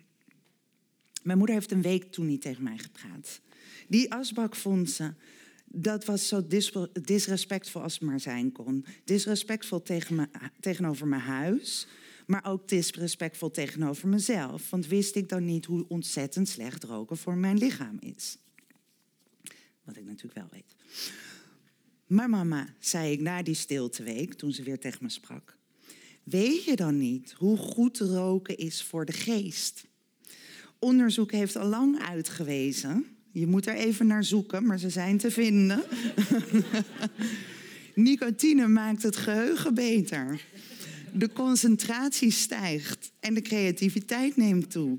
En het heeft iets te maken met dopamine en nou, iets wat ik niet eens uit kan spreken, die in de hersenen wordt aangemaakt. Maar het, het moet haast wel. Bijna alle schrijvers en kunstenaars uh, hebben gerookt. Van Dostoevsky tot Fitzgerald, Rembrandt, Pollock. De hele geschiedenis is doordrenkt van sigarettenrook. Thomas Mann vond zelfs dat niet-rokers zichzelf beroofden van het beste dat het leven te bieden had. Mijn moeder was niet overtuigd. Ik zei, maar jij weet niet hoe het er sinds het rookverbod aan toe gaat op de stoep van een willekeurig café. Ik heb daar vrienden voor het leven gemaakt. En in deze tijd van eenzaamheid is er niets wat zo'n verbondenheid creëert als samen roken in de kou. Vooral in de kou, omdat rokers weten, die kou en die regen, die doen er helemaal niet toe. De lichamelijke ongemakken doen er niet toe. Waar het om gaat, is de geest. Ze was nog steeds niet overtuigd. Mijn moeder drinkt ook niet. Nooit gedaan. Ik denk dat ze in haar hele leven vijf glazen heeft gedronken. En de roes kent ze dus niet. En af en toe zeg ik het weer tegen haar. Maar mama, ken je dat gedicht van Baudelaire dan niet? Wees altijd dronken, heet het. Ik citeer. Wees altijd dronken. Dat is alles, het enige wat ertoe doet. Om niet de helse last te voelen van de tijd die je schouders breekt en je naar de aarde drukt, moet je je onophoudelijk bedrinken. En de roes is via meer dingen te bereiken, niet alleen met alcohol, drugs bijvoorbeeld. Maar Baudelaire noemt ook de dichtkunst. Je kunt je ook bedrinken aan woorden. Als je geest maar beneveld raakt. Als de orde die daarin zit maar een beetje over, of heel erg overhoop wordt gehaald. Want alleen dan, schrijft Baudelaire, ben je geen gemartelde slaaf van de tijd. In de roes denk je niet meer aan later.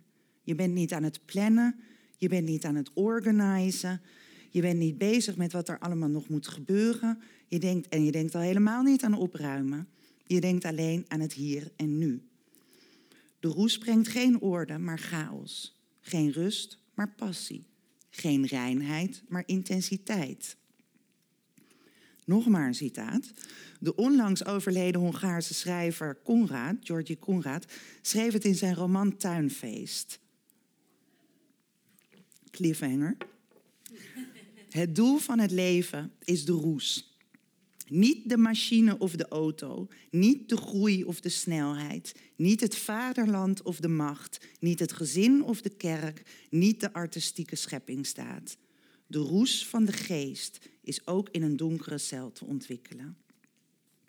En ik, als ik voor mij spreek, ik wil geen opgeruimde geest, ik wil geen lege geest, ik wil geen robot zijn. Ik heb een foto van mezelf toen ik een jaar of zes was. Ik lig in mijn bed en ik ben omringd. Het is een beetje zoals dat atelier. Uh, om, maar dan niet met verf, maar met strips, knuffels, stickers, Barbies en auto's. En dat is hoe ik sliep. Dat bed was toen nog mijn habitat. En inmiddels heb ik een huis. Maar in feite is dat huis nog steeds min of meer dat bed van toen. Ik omring me met papieren, aantekeningen, knipsels, boeken, tijdschriften, volle asbakken, halflege chipzakken en lelijke vaasjes. Ik wil geen leegte, maar volheid. Ik wil niet dat energie stroomt, maar dat hij hapert. Ik wil geen snelheid, maar traagheid. Ik wil geen positiviteit, maar het vreemde, het andere en de weerhaakjes, zoals Han dat noemt. En ik weet zeker dat ook de samenleving daarbij gebaat zou zijn. Minder orde, minder efficiëntie, minder schone straten waar toeristen doorheen stromen, minder steriele en gefotoshopte beelden op sociale media, meer rafelranden, schaduwen, duisternis, meer ruimte voor het afwijkende, het niet passende, de paradijsvogel, de gekke vaasjes. Want alleen in veelheid en verscheidenheid, denk ik, is vrijheid te vinden. Dank.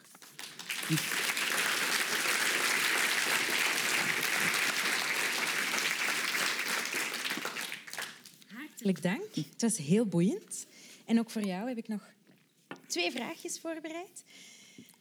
Um, jij schreef ook een boek. Ja. Een zelfverwoestingsboek. Natuurlijk. Zoals uit haar vertoog toch wel een beetje is kunnen blijken, heeft uh, Marianne Donner een voorliefde voor het eerder neigen naar een bepaalde zelfverwoesting dan altijd naar een zelfhulp- en zelfverbeteringsstrategie.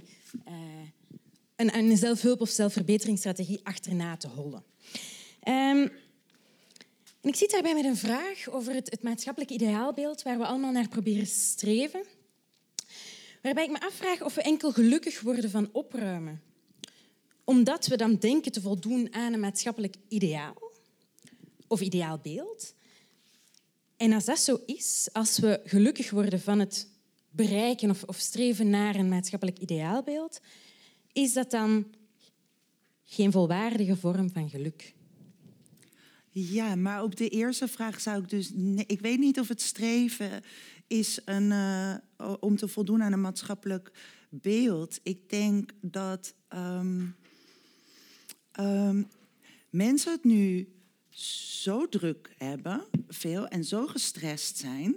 Um, uh, over werk of de huur wel kunnen betalen of nou ja, van alles wat je bezig kan houden.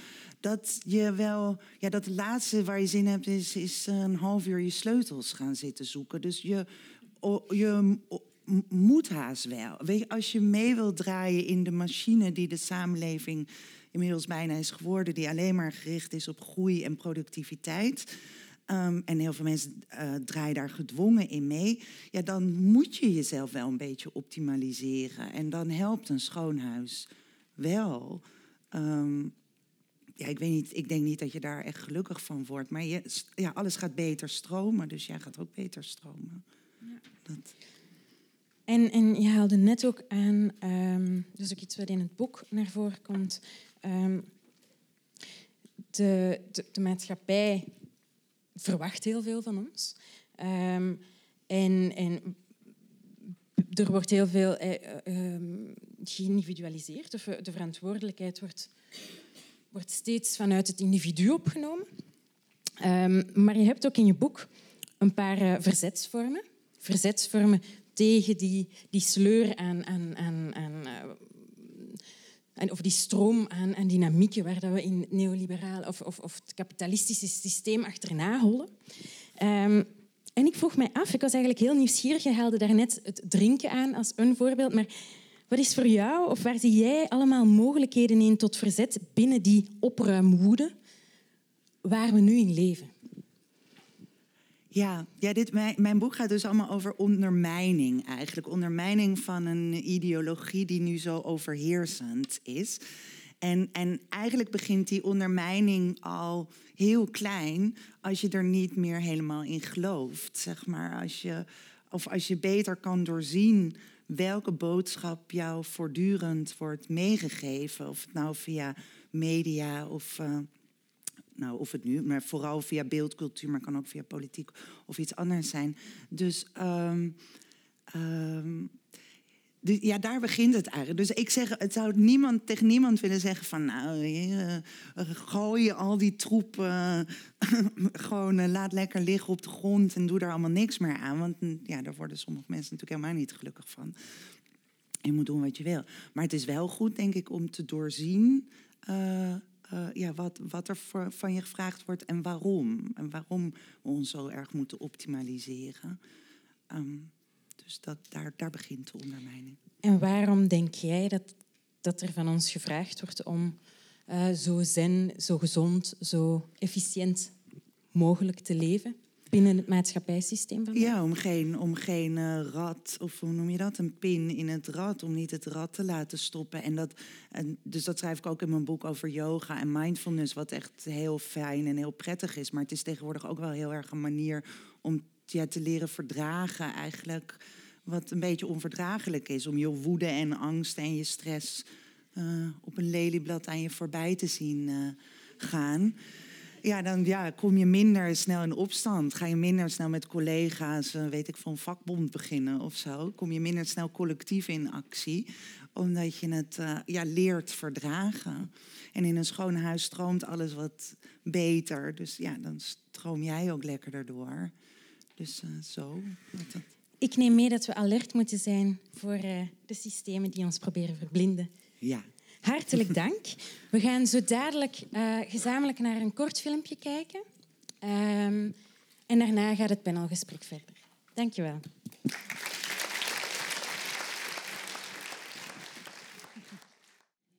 Ja, look at all that wasted space. Kijk naar al die verspilde ruimte, was de laatste zin uit deze film. Um, en nu, nu vroeg me af, denken jullie dat deze film iets zegt over de beste manier van opruimen? of misschien eerder iets zegt over een cultuur waarin pragmatisme en efficiëntie voorop staan? Of nog heel iets anders?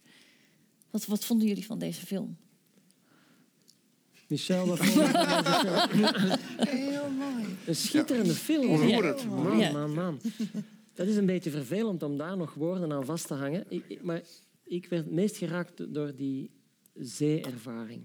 Dat vond ik zo poëtisch, dat spoelen. Overspoeld worden door spoelen. Ja, ja, dat was mooi. Want ik moest, toen jij bezig was, denken aan het strand. En hoe daar de schelpjes en de rotzooi ook op toevallige wijze aanspoelen. Mm -hmm. En hoe dat een bron van vreugde is. En dan zag ik hoe die man in dat filmpje overspoeld werd. Geweldig, hè? Ja. Ja. ja. En als kind, dus ik denk ook, jij zei kinderen spelen het liefst in de rommel. Ja, ja dat was heel mooi. Jij ook, geloof ik, hè? Ja, ja. ja. nog steeds.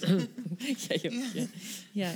Wat ook mooi was, was dat hij zelf in, in, in zo'n uh, koffertje gestopt werd. Hè? Als, een, als een klein jongen. Dus dat is ook waar, waar jij het over had met die, die grote structuren waar je dan in, in geplaatst wordt. Ja. ja als hij niet meer uit kan.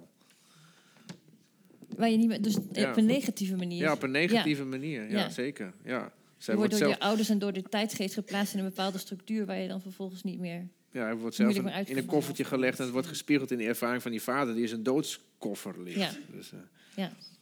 ja, maar opgesloten worden in een koffer, dat heeft dan toch weer het voordeel dat je een afgesloten ruimte voor jezelf hebt. En zo... Dat heeft weer ja, wat. Dat kan niemand. Dan kunnen we mediteren inderdaad. Ja, ja, ja, ja. dat klopt. Ja.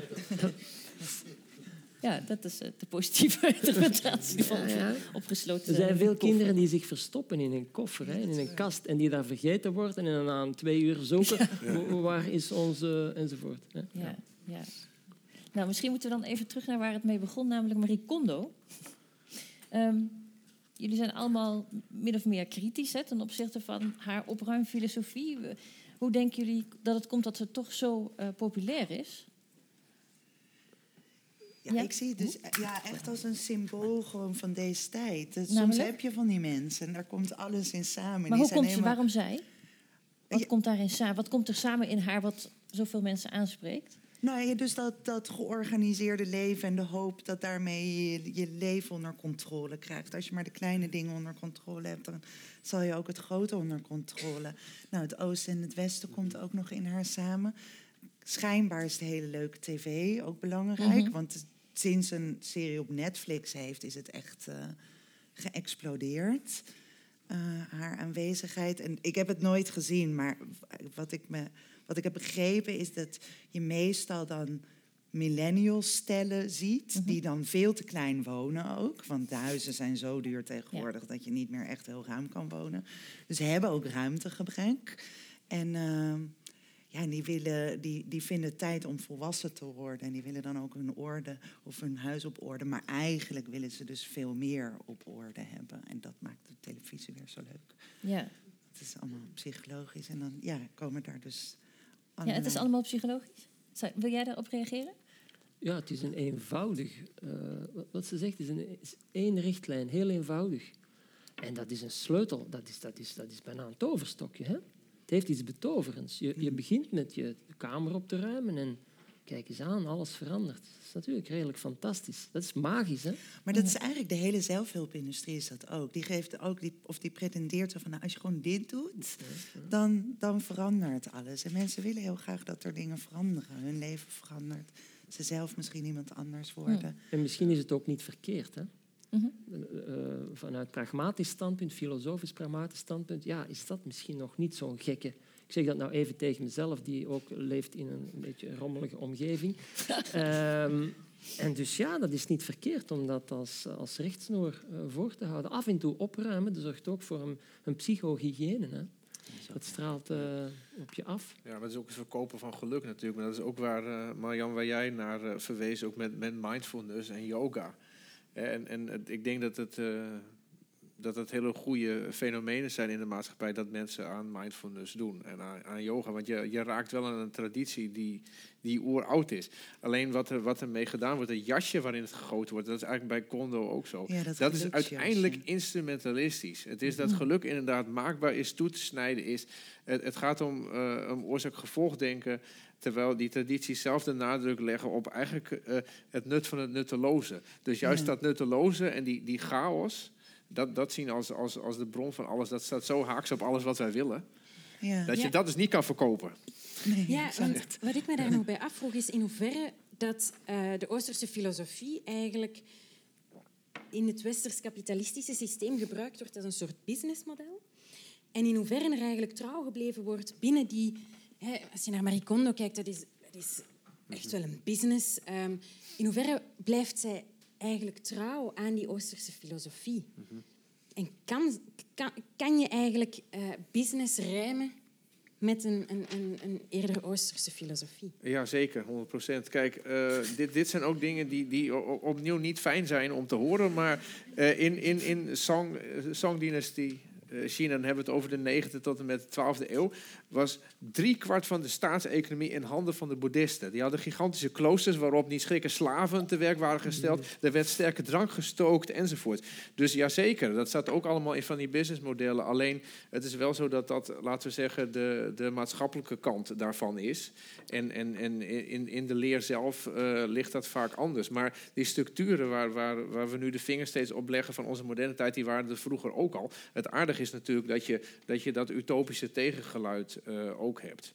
En, en, en die, dat, dat heeft ook altijd in die tradities gezeten. Ik denk wat nieuw is in onze traditie, eh, onze, onze, onze nieuwe tijd, is dat we die utopie eruit halen en die ook gaan verkopen. En dat had je, had je vroeger denk ik niet zozeer. Maar overigens, Michel, is het interessant om op te merken dat het kloosterleven in het Ja. Westen iets gelijkaardigs gedaan Ja, tuurlijk. heeft. Ja. Ja, zeker. Dat, dat, dat verschil tussen Oost en West is helemaal niet zo groot. We denken dan, eh, omdat ze eh, een andere pij aan hebben, dat het eh, anders is. Maar de structuren zijn vaak hetzelfde. Van mediteren word je rijk, blijkbaar. Ja. Van binnen wel, ja. Van binnen wel. en als je het geeft, ja. Ehm, daarbij aansluitend, nu we het toch hebben over eh, bepaalde historische, ehm, historisch aspect, is er een maatschappij-historische verschuiving van het ehm, hebben van spullen uit schoonheidsoverweging of uit praktische overweging naar het hebben van spullen om spullen te hebben? Goeie vraag. Ja, dat, was het- maar, nee, maar dat moet, dat moet wel, toch? Want, we, want we, zijn, we worden zo bestookt met reclames voortdurend. eh, en onze hebzucht wordt zo aangesproken voortdurend... dat, dat, ja, dat spullen om het... En je ziet ook in reclame in ieder geval... zie je, vind ik, interessante ontwikkeling... dat Dus dat komt zo'n beetje eh, zo, ik weet niet, eh 19e eeuw eh, op. En dat begint dan met het product. Zo van, dit is een heel goed product en daarom moet je het hebben. En daarna wordt het, veel later wordt het, dit product moet je hebben, want dan versier je vrouwen mee. Of Axe deodorant of zo, dan komen ze op je af. En nu zijn reclames eigenlijk veel meer dat het product doet er helemaal niet meer toe. Dan krijg je Nike-reclames, ehm, Just Do It of ehm, ehm, eh, Dream Crazy. Maar dat is meer zo van, wees de beste versie van jezelf. Is ook een soort zelf, zelfhulpfilmpje eigenlijk. En nou ja, vergeet die producten maar kijk niet hoe het allemaal gemaakt is. Zodat je een band met, een, met het bedrijf krijgt eigenlijk. En dan natuurlijk wel die spullen gaat gebruiken. En dat je zelf een product wordt. Ja, dat absoluut ook. Ja, en ook verkocht wordt Precies, eigenlijk ja. gewoon op de sociale media. Ja, ja. En heeft het iets te maken met eh, misschien het verliezen van bepaalde tradities die ons ethische of morele of spirituele eh, eh, contexten of, of inhouden voorgeven? Vullen we een leegte met al die spullen? Van de u bekende Karl Marx is de uitspraak dat eh, de wereld waarin het kapitaal heerst gekenmerkt wordt door een overdaad aan waren. En onder waren verstaat hij natuurlijk alles wat verkocht kan worden. En dus het is de vraag, als we het hier hebben over heb je iets, ja, wat betekent dat eigenlijk? Mhm. Als je iets koopt, heb je het dan? Ja, economisch gezien wel. Ja. Maar heb je daar een, hoe noemde u dat? Een geestelijke relatie. Eh, Heb je daar een geestelijke relatie mee? Dat is iets helemaal anders. Een kind heeft dat, denk ik, iets makkelijker dan een volwassene. Ja. Eh, een band, een, een vertrouw, het leren kennen van iets. Tactiel, Ja. eh, visueel, auditief, een beetje rammelen, koesteren, doorgeven en terugnemen. En, eh, dat is, ja. Ja, ik kan me voorstellen dat dat in de Oosterse filosofie ook een grotere rol speelt. Het hebben van Ja. een band met Ja. wat je omringt, met de spullen die je bezit of hebt. Of, nou ja. ja, maar Jan, jij zei ook van ik wil geen, geen lege geest. Maar in het oosten gaat het vaak wel om die lege geest. Alleen ik denk dat leegte hier iets anders Ja, ja. Ja, ja, ja. En, en daar, daar zit hem die connectie ook in, waar, waar het om gaat. En misschien ook die, de connectie die een kind heeft. Want eh, in, in veel van die teksten krijg je inderdaad eh, uitspraken als dat eh, de, de geest van de mens als een spiegel is. Een spiegel die de tienduizend dingen, dus alles wat er is, dus die diversiteit. Waar jij, waar jij die, die dat, die dat ehm, reflecteert. En hoe minder ehm, troep tussen aanhalingstekens er tussen jou en de dingen staat, hè, dus, dus, dus hoe minder vol die geest is, eh, hoe, hoe beter die connectie ook gaat. Dus, dus, dus eh, die leegte, de beruchte Oosterse leegte, is het leegmaken. Eigenlijk het zuiveren van, van die geest, zodat ehm, een connectie bloot komt te liggen die er al was. Ja, en jij, jij Walter, zegt inderdaad van het kind, maar eh, in, in, in, in, in deze tradities gaat men er toch van uit dat je dat ook, eh, dat je die kwaliteit eh, nooit verloren hebt. Ja? Alleen het, het punt is, kun je, kun je door, door oefening, ehm, door inspanning van jezelf, maar ook door dat proces wat je meeneemt. Dan zitten we ook weer heel dicht bij die wereld van die kunst natuurlijk, waarin, waarin er ook, ook eh, gespeeld wordt. Jij begint iets, maar de materialen spelen ook met jou. Als je in dat proces eh, gaat, dan, dan, dan kun je die connectie weer, weer vinden. En, en dat wordt dan gezegd, dat is spontaan en ongekunsteld en spel enzovoort. Mhm. Ja. En dan hebben materiële dingen een andere waarde dan als je ze puur hebt om... Ja, en dan v- noem je ze materieel. Ik bedoel, in, in, in die context van, van Shinto is, is dat hele onderscheid tussen plant, mens en dier, dat, dat, dat, Ja. dat, dat wordt dan niet zo gezien. En ook van, als je het hebt over zelfhulp, wat willen we nou gaan helpen als we niet weten wie het zelf is? Hè, ik bedoel, daar, daar, in die tijd- ja, Ja. Ja. ja, Ja. ja. Ja. Ja, in, ehm, binnen het hechten van waarde aan spullen en, en het opbouwen van een, of, of, of fysieke of, of mentale, ehm, het opbouwen van een soort band met spullen. Ehm, er wordt gezegd dat wij eh, binnen de eh Marie Kondo-filosofie, maar ook gewoon eh, algemene filosofie over opruimen, dat we ehm, vooral dingen bijhouden ook voor de herinneringen, en, maar dat we die ook zouden kunnen loslaten, de materiële spullen, en de meer zouden kunnen focussen op het vasthouden aan een herinnering. Dus eh, het, het, het ontdoen eigenlijk van het fysieke en eigenlijk voornamelijk focussen op, het, op, het, ehm, op de herinnering. Maar hebben we die spullen niet ook... Of, of de, herinnering wordt ook aangewakkerd door eh, iets fysiek door een geur, door, door een geluid. Door een... Hebben we die spullen niet ook ergens nodig om die herinnering levender te kunnen houden? Is zeker zo. Dat is een soort Proustiaanse ervaring die je nu beschrijft. Hè? Dus je komt met iets in contact. Proust zou dan zeggen een smaak of een geur. Maar die dingen natuurlijk. Maar het probleem is als je op voorhand gaat bereiken... Ik ga dit glas bijhouden, want dan herinner ik mij nog die aangename avond uh, in november. Het is toch november. Ja. En dus, uh, uh, maar zo werkt het natuurlijk niet. Hè. het is vaak onwillekeurig. Het is niet zo dat jij zult bepalen wat dat ding voor jou gaat betekenen, maar het is eerder omgekeerd dat de dingen een, noem het dan een kracht of een soort eigen leven hebben, die u, als, als het hen uitkomt, u iets mede te delen hebben. Uh, een ding, Heidegger zegt dat uh, ergens, hè, een ding is iets wat in het geding staat. Hè. Dit is een ding en wij staan er rond. En dus een geding in de juridische betekenis van het woord, daar, dat, dat is verwikkeld met het woord ding. Hè. Een ding is altijd een, een, een, veelvoud van relaties. De stervelingen en de goden en de dieren en alles, dat, eh, zo zegt hij het ergens, hè, die, die, die, die verenigen zich rond dat ding. En wat er dan uit dat ding ontvouwd wordt, ja, dat ga jij als sterveling nou niet eventjes op je eentje bepalen. Of dat is niet persoonlijk. Maar is het ding dan wel belangrijk? Of kan het ook ingewisseld worden voor willekeurig welk ander ding, zolang we er maar omheen blijven staan? In dit nee, nee, natuurlijk niet. Het ene potlood is het andere niet. Nee? nee maar nee, natuurlijk niet. Ik bedoel, daar, hier zit natuurlijk niet. Nee, nee, natuurlijk niet. Want? ja, je hebt daar andere dingen mee maar gedaan. Ja, die schoenen van Van Gogh, die kun je niet zomaar omwisselen voor Mariana schoenen. Dat gaat toch niet? Nee? Toch? Dat zijn die schoenen. En die maar dit is heel mooi, want dus Marie Kondo, dat, dat slaat eigenlijk nergens op. Dat jij zelf mag kiezen. Nee, want zij zegt dus, jij kiest zelf wat belangrijk ah, ja, is. Dus dat klopt. De dingen kiezen jou, zeg jij. Nou ja, dat zegt wat ja. net. Ja. ja, misschien zegt Michel dat ook wel. Ja, we zeggen dat allemaal. maar eigenlijk, ja, een heel groot probleem maar dat is heel concreet. Gewoon als we het over spullen hebben, is dat gewoon, weet je, als we in een wereld zouden leven waarin spullen goed gemaakt worden mm -hmm. en uh, het zijn waarde, we de waarde die het heeft ervoor betalen en al dat soort dingen, dan hadden we natuurlijk een veel minder groot probleem. Maar er is nu wordt er zo slecht geproduceerd en zoveel troep gemaakt wat mensen weer in huis halen. Dat, uh... Ja, maar dat is toch een paradox, hè? Want er worden geweldig... Allee, dat is ook bijvoorbeeld boeken, hè? Er wordt geklaagd over de boeken, maar als je ziet wat er, wat er gemaakt is, is fantastisch. Ik, ik begrijp dat niet. Ik, oprecht begrijp ik dat niet, dat in een wereld waar zo, laat maar zeggen, minachtend omgesprongen of geïnstrumentaliseerd omgesprongen wordt met allerlei ja, dingen, mm -hmm. dat daar toch mooie bloempjes. Ik, begrijp, ik begrijp dat niet. ik begrijp dat niet. Nee, je begrijpt niet dat ze überhaupt nog ontstaan. Ik begrijp niet waar het vandaan komt. Eh, eh, allee, iedereen zou verwachten, alles gaat cultuurkritisch gezien om zeep. Mm -hmm.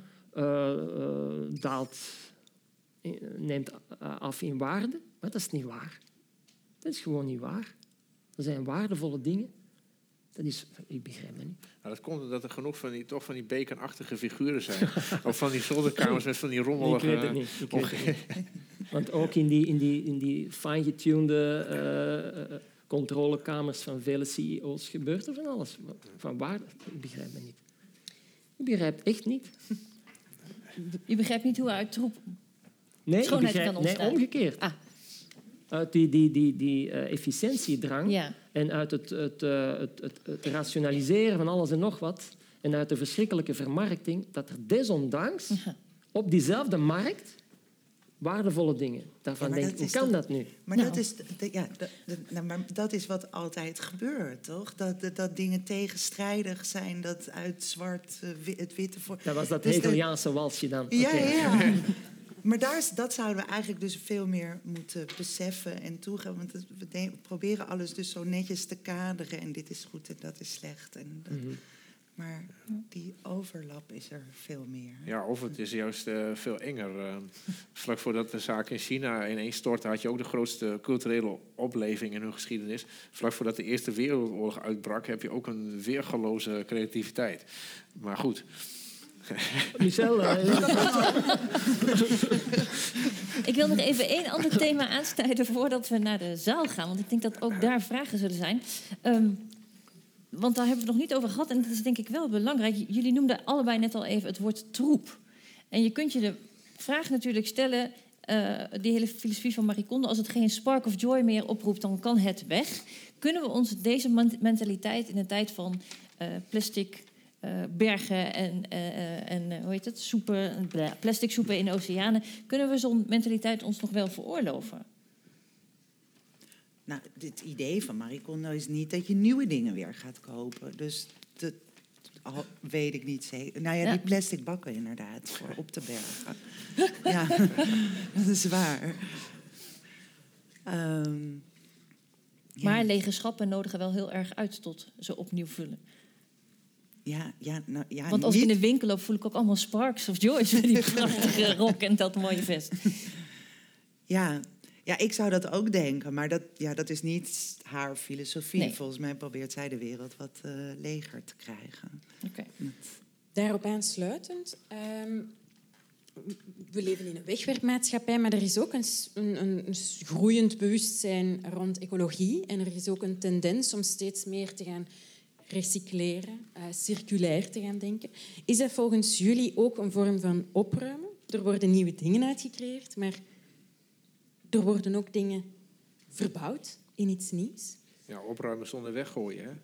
Dat is ook wat, wat, wat in het Taoïsme. Die, kijk, je hebt op die, op die plekken waar Taoïstische tempels staan, heb je van oudsher een grotere biodiversiteit dan op andere plekken. Hoe kan dat? Omdat die mensen, eh, als, als misschien wel de eerste uit de geschiedenis, um, het inzicht hadden dat, dat alles zijn waarde heeft. En dat, dat, uh, dat, dat je een, een, bron hebt waar alles uit voortkomt en die dus ook voor alles zorgt en die niks weggooit.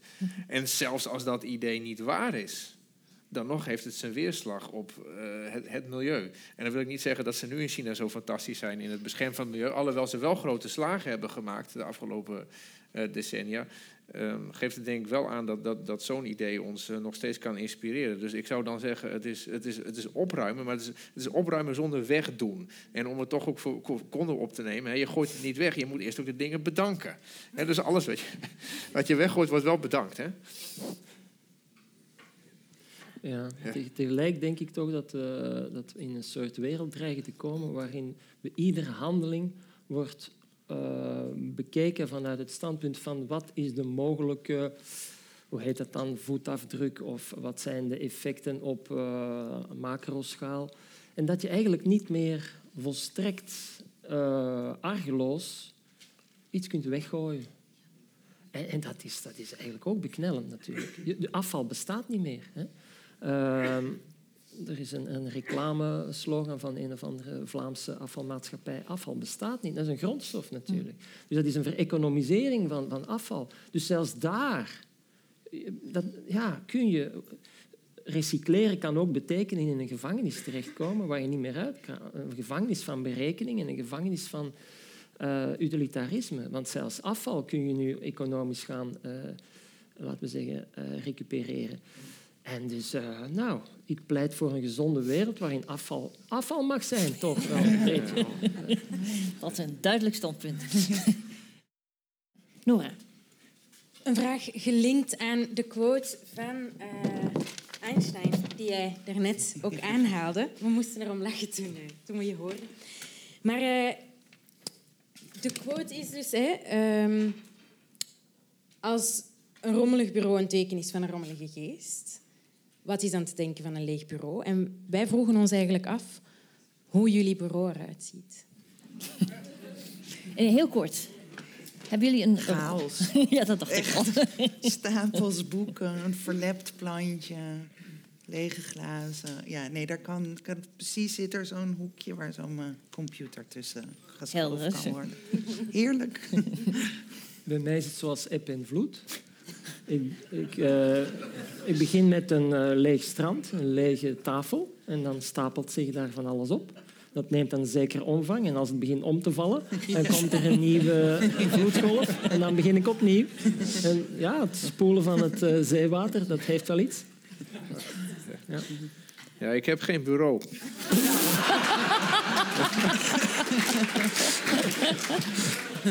Nee, nee, nee. zi- Ja, volgens mij heb je hiermee alles gezegd, Michel.